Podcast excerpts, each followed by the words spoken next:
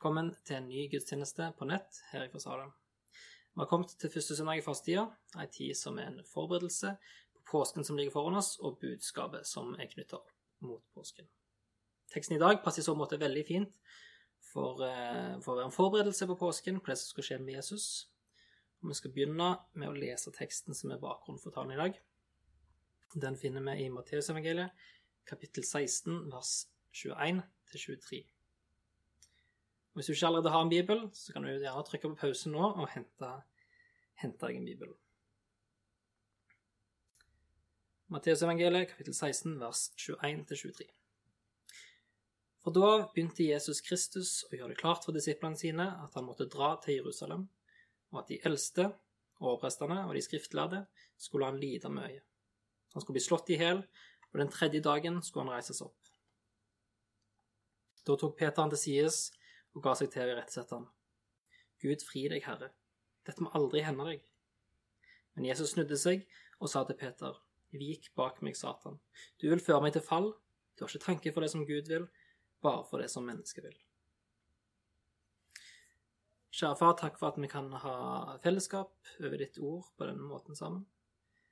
Jeg ber om at du må åpne opp ordet og tale til hver en som lytter nå, på en sånn måte at vi forstår det, og at vi er åpne for å lytte til hva du har å si til oss.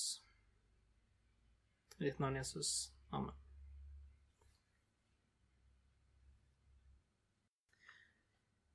På det tidspunktet i historien som vi befinner oss nå, så er Jesus og disiplene eh, de er i området rundt Cesarea Filippi.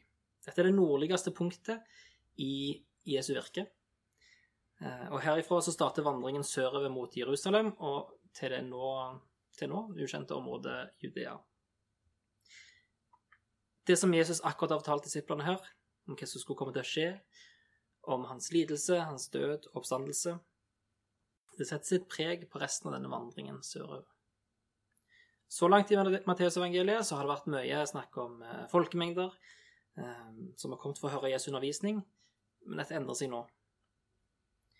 De foregående versene, fra vers 13 til 20, sammen med teksten vår, eh, markerer et helt tydelig skifte i Matteusevangeliet.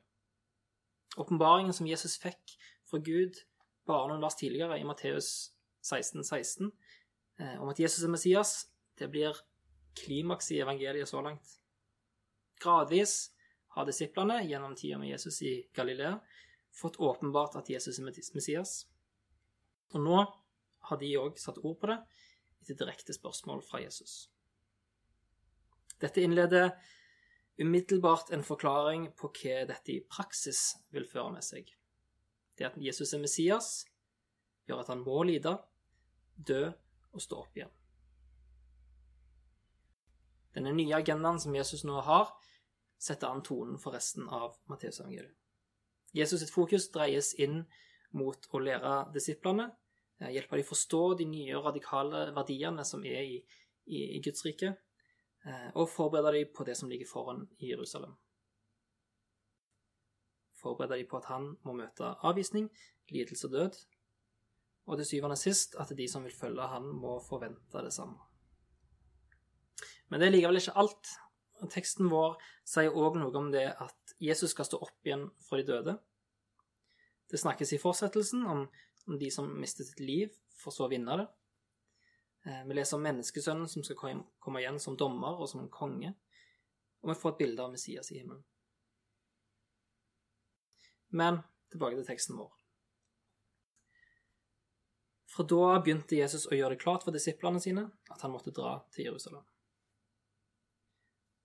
Som sagt, teksten vi har lest så langt, blir et markant skifte i historien om Jesus.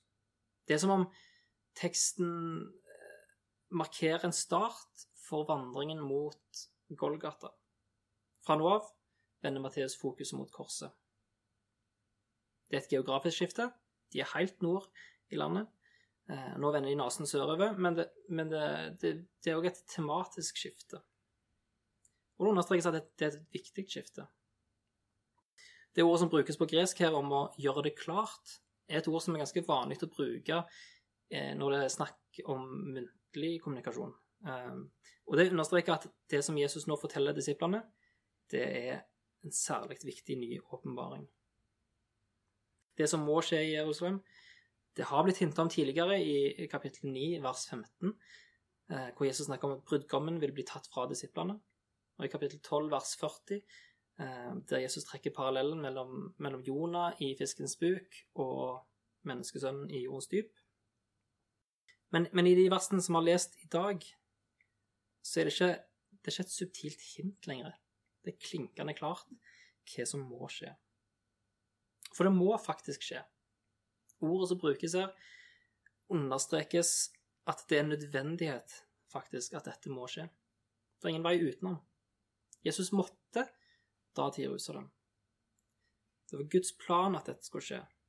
Og det måtte skje sånn at de eldste, overprestene og de skriftlærde skulle han lide mye. Han skulle bli slått i hjel, og den tredje dagen skulle han reises opp. Dette var ikke et mulig utfall av tilfeldigheter og tilfeldig fiendtlighet. Det var en nødvendighet. Det var Guds plan. Igjen er det altså Peter da, som trår fram som talsmann for disiplene. Eh, vers tidligere så ble han den som svarte for disiplene på spørsmålet om hvem de mente at Jesus var, nemlig Messias. Og På samme måte så er han nok talerør for eh, en bekymring og en skrekk som mange av disiplene her kjenner på, Ehm, når de hadde hørt det som Jesus fortalte dem. Og Peter tar Jesus til sides for en fortrolig samtale, der han tydelig setter ord på sine tanker rundt det oppdraget som ligger foran Jesus. Peter gir seg rett og slett i kast med å irettesette Jesus. Vanskelig å forestille seg, men dette var altså en irettesettelse. Det er ikke en ydmyk og rolig tone som Peter bruker. Det var nok kanskje ikke innestemmen heller. Ehm, for det er det samme ordet for irettesette. Det brukes ellers om når Jesus befaler vinden og bølgene om å stilne. Ehm, I kapittel 8, vers 26, på norsk så er det der oversatt til 'true vinden og bølgene'.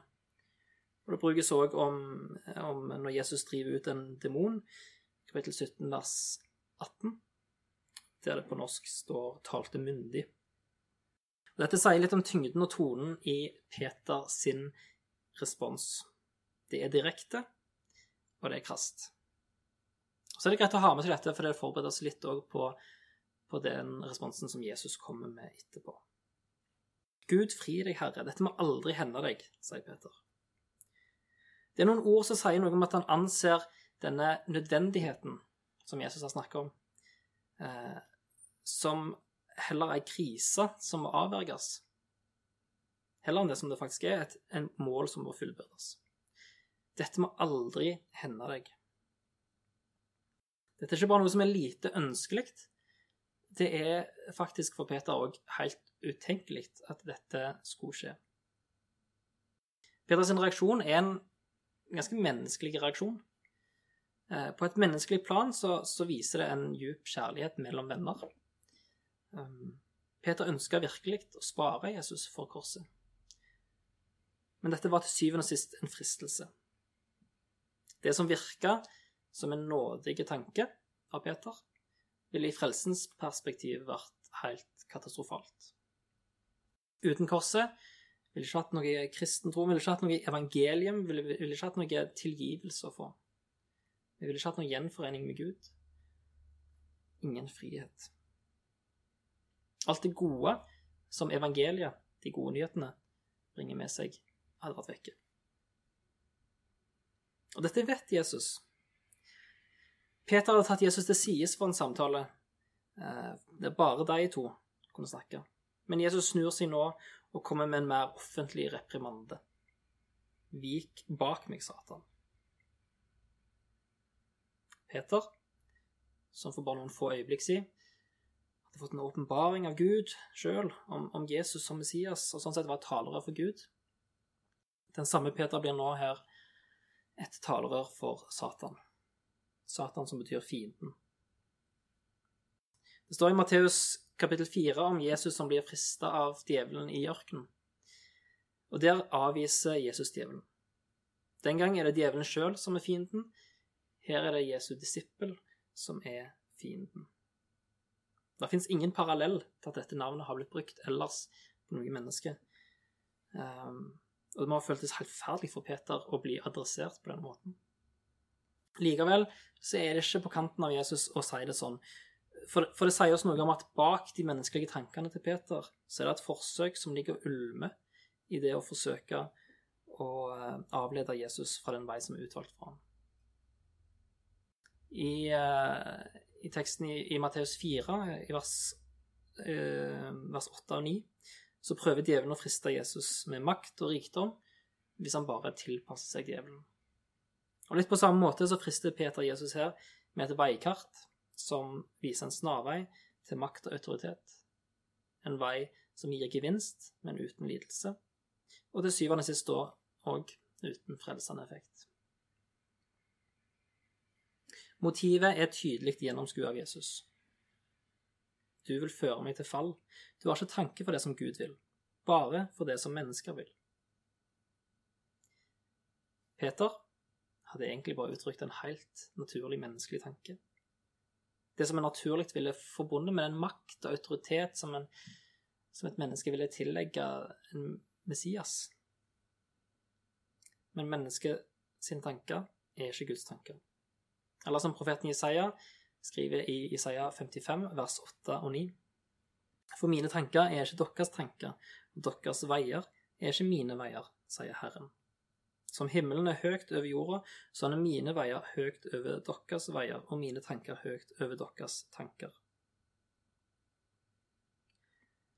Hvis vi er ikke kritiske til menneskets tanker, så kan vi stå i veien for Guds hensikt og bli leda på villspor. Det er klart at Jesus òg kjemper med det som ligger for. Det ser vi i, Lukasevangeliet kapittel 22, vers 42, eh, når han sitter på kne i Getsemane og ber til sin far og sier, Far, om du vil, så ta dette begeret for meg, men la ikke min vilje skje, men din. Jesus kjemper med det som ligger foran. Men han stiller seg ikke i veien for Guds tanker og Guds plan. Han overlater det til Gud til Guds vilje, at hvis det er nødvendig at dette må skje, ja, så la Guds vilje skje. Dette perspektivet fortsetter utover i Matteus evangeliet òg, der Jesus fortsetter å prøve å få disiplene til å se ting fra Guds rikets perspektiv, og ikke bare se ut ifra deres menneskelige tanker. Her kan du særlig se i kapittel 19, vers 23-30, kapittel 20, vers 20-28. Men her stopper teksten vår i dag. Kanskje er det en fristelse for oss kristne i dag òg å se trua uten korset. Male et bilde av Jesus som Messias, bare som et forbilde med makt og autoritet, men helst uten lidelse og død, uten korset. Realiteten er at Jesu død er en nødvendighet. Vi må passe oss for å miste viktigheten av korset. I Jesu historie og i vår historie. Når vi leser om Peter som bekjenner Jesus som Messias, så ser vi at det er godt. Det er en bekjennelse som bygger på en åpenbaring fra Gud. Det er godt når vi bygger på ordet, når vi bygger på Eh, det budskapet som Gud har kommet med, og på den trofasthet som ligger i det som han har sagt. På den andre sida blir det også katastrofalt når vi velger å bygge på våre egne menneskelige tanker. Om de skulle være aldri så velmeinende og kjærlige som Peter her, som ville spare Jesus for den lidelsen, så er dette noe som gir djevelen rom til å virke. Hvis vi gjør Jesus til et forbilde uten å se han som den korsfestede, så vil ikke vi lenger se oss sjøl som syndere. I stedet sitter vi igjen med noen menneskelige tanker om at eh, vi sliter med noen moralske ting innimellom og snubler litt her og der. At Jesus var et fint forbilde. Det holder ikke når vi står for Guds trone. Vi trenger en forsoner. Vi trenger en som døde for oss, en som tok eh, syndene våre på seg, tok straffa vår på seg. Den forsoneren finner vi Jesus. Vi står òg i dag i en åndskamp der djevelen prøver å dra oss vekk fra Jesus.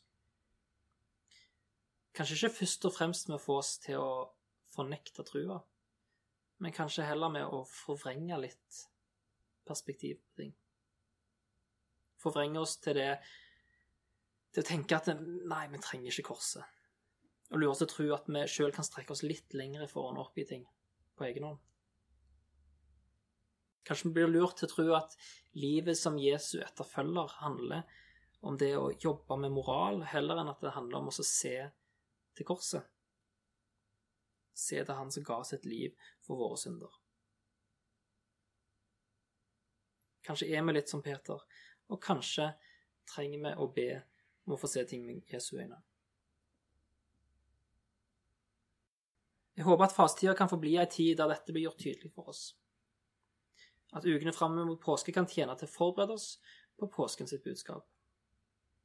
For deg som har vært kristin i noen år, så er det et budskap som du sikkert er rimelig kjent med. Faren er at tyngden av dette budskapet ikke når helt inn til oss.